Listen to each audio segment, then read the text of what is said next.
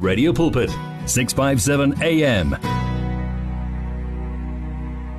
Yebo singumngani and singumsizi wansuku zonke. Asindawo uzosithola sila nanoma inini. 24 hours a day 7 days a week. Usanda kungena ngiyakwamukela. Ngikwamukela ke ngikuthulela imotivation njengoba ngishilo ukuthi kule ntambama and kule nyanga yonke kaNovember ngikanye nomfundisi ubantu Majola. Mfundisi siyakwamukela la ekhaya. Blessings of the Lord to you my sister. How are you? I'm great. I'm wonderful. And how are you?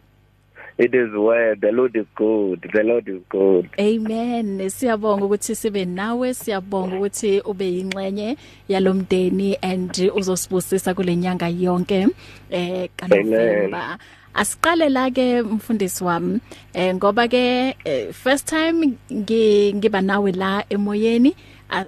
Sicela nje ukuthi usibekele isithombe sakho ukuthi ungubani umfundisi Majola.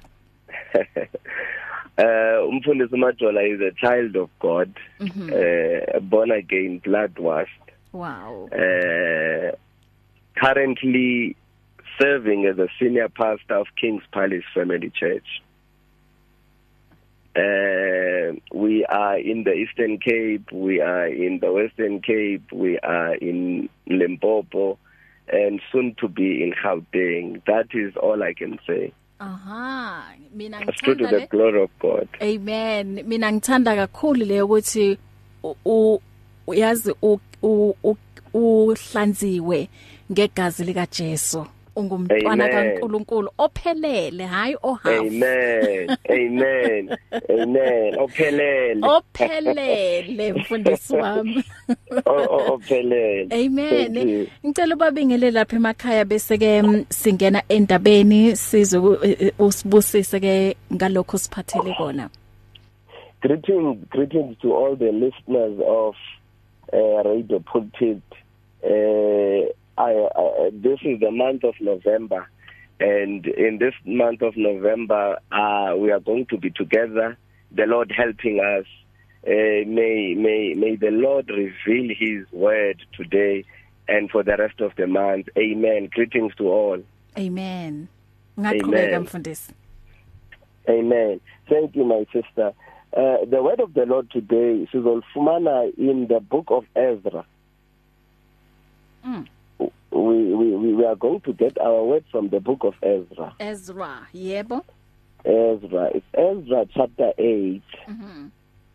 It's Ezra chapter 8 verse 22. Mm. Uh it reads as follows: For I was ashamed to request of the king an escort of soldiers and horsemen to help us against the enemy on the road.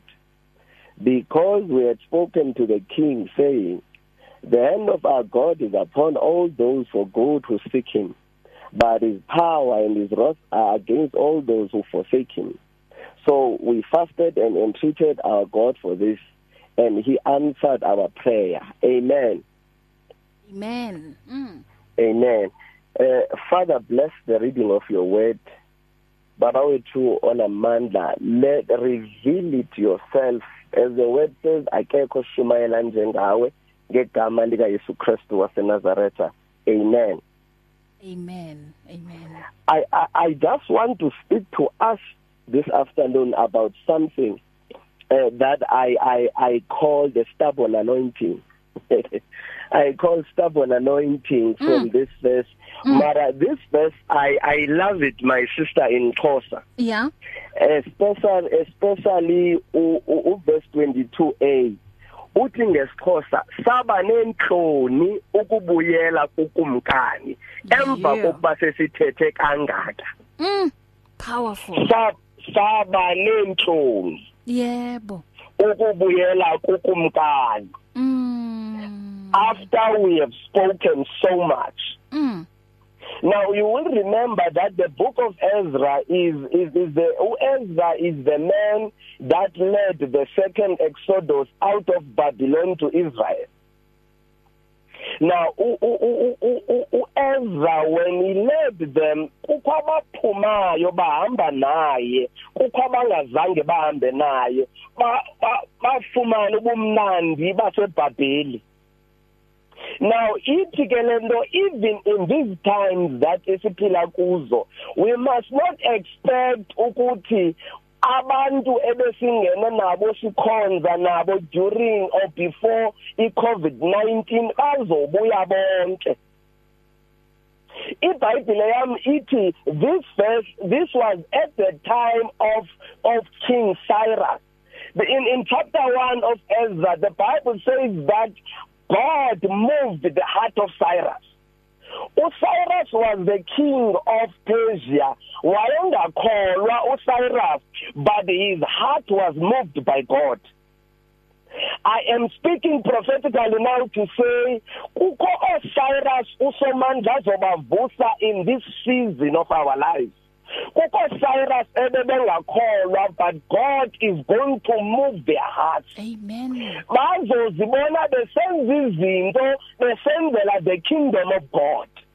There are people that are going to come bazonikela bathi i don't know kwenzeni but the lord says i must come here and yeah. give. Sure.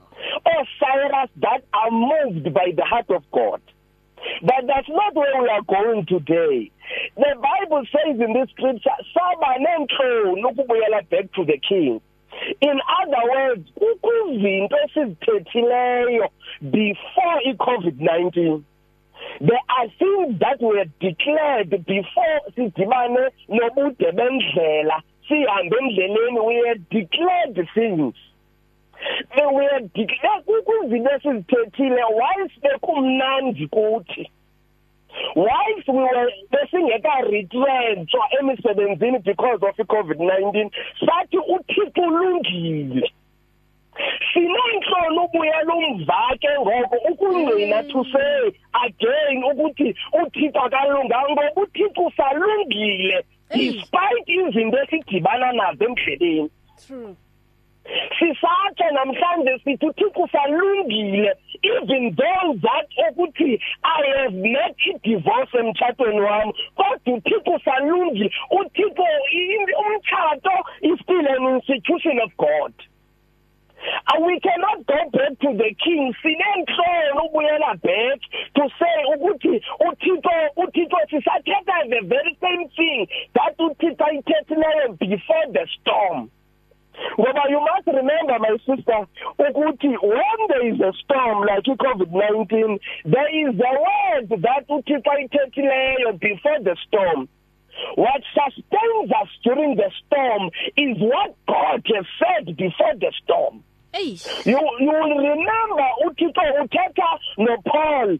God says to Paul, I am telling you Paul, you will appear tomorrow before Caesar. And my Bible says that the oh Paul they found a shipwreck but then then then and then chapter 28 of Acts Paul says that to these guys oh ahamba nabo uthi do not be worried ngoba kukho izwi engilifumeneyo from God What sustains us is what we have received from God. Ngoba you will remember that there is a man called Simeon. Simeon was in the temple for many years waiting for the revelation of Christ. into emgcinayo uSimeyoni etempileni lilizwi alifumene kuThixo ngoba what sustains us is what we have heard from God Now even during the storm uThixo utheni kuthi before iCovid-19 we cannot go back Mm. Mfundisi. Eh, mfundisi uyephi umfundisi? Oh. Ngizamile ukumthola futhi umfundisi bazalwane ngiyacabanga ukuthi ke kube nokuphambana kwamalayini eh kwamanje ke angisamtholi inhlobo kodwa ke umyalezo uzwakele imotivation izwakele yakulentambama ekhuluma about stubborn faith uthi zikhona izinto esizikhulumile before covid-19 and manje njengoba kwenzakala ngendlela kwenzakala ngayo sesiyasaba ukubuyela futhi eh kuJehova ngoba siye sa declare sakhuluma. So ungabi nawo amahloni. Ungunkulunkulu ungubaba wethu. Uyasazi thina njengeingane zakhe. So wena nje phokophela phambili and uma kudingekile ukuthi urepent uxolise yenza njalo. Become active active in faith 657 am 657 am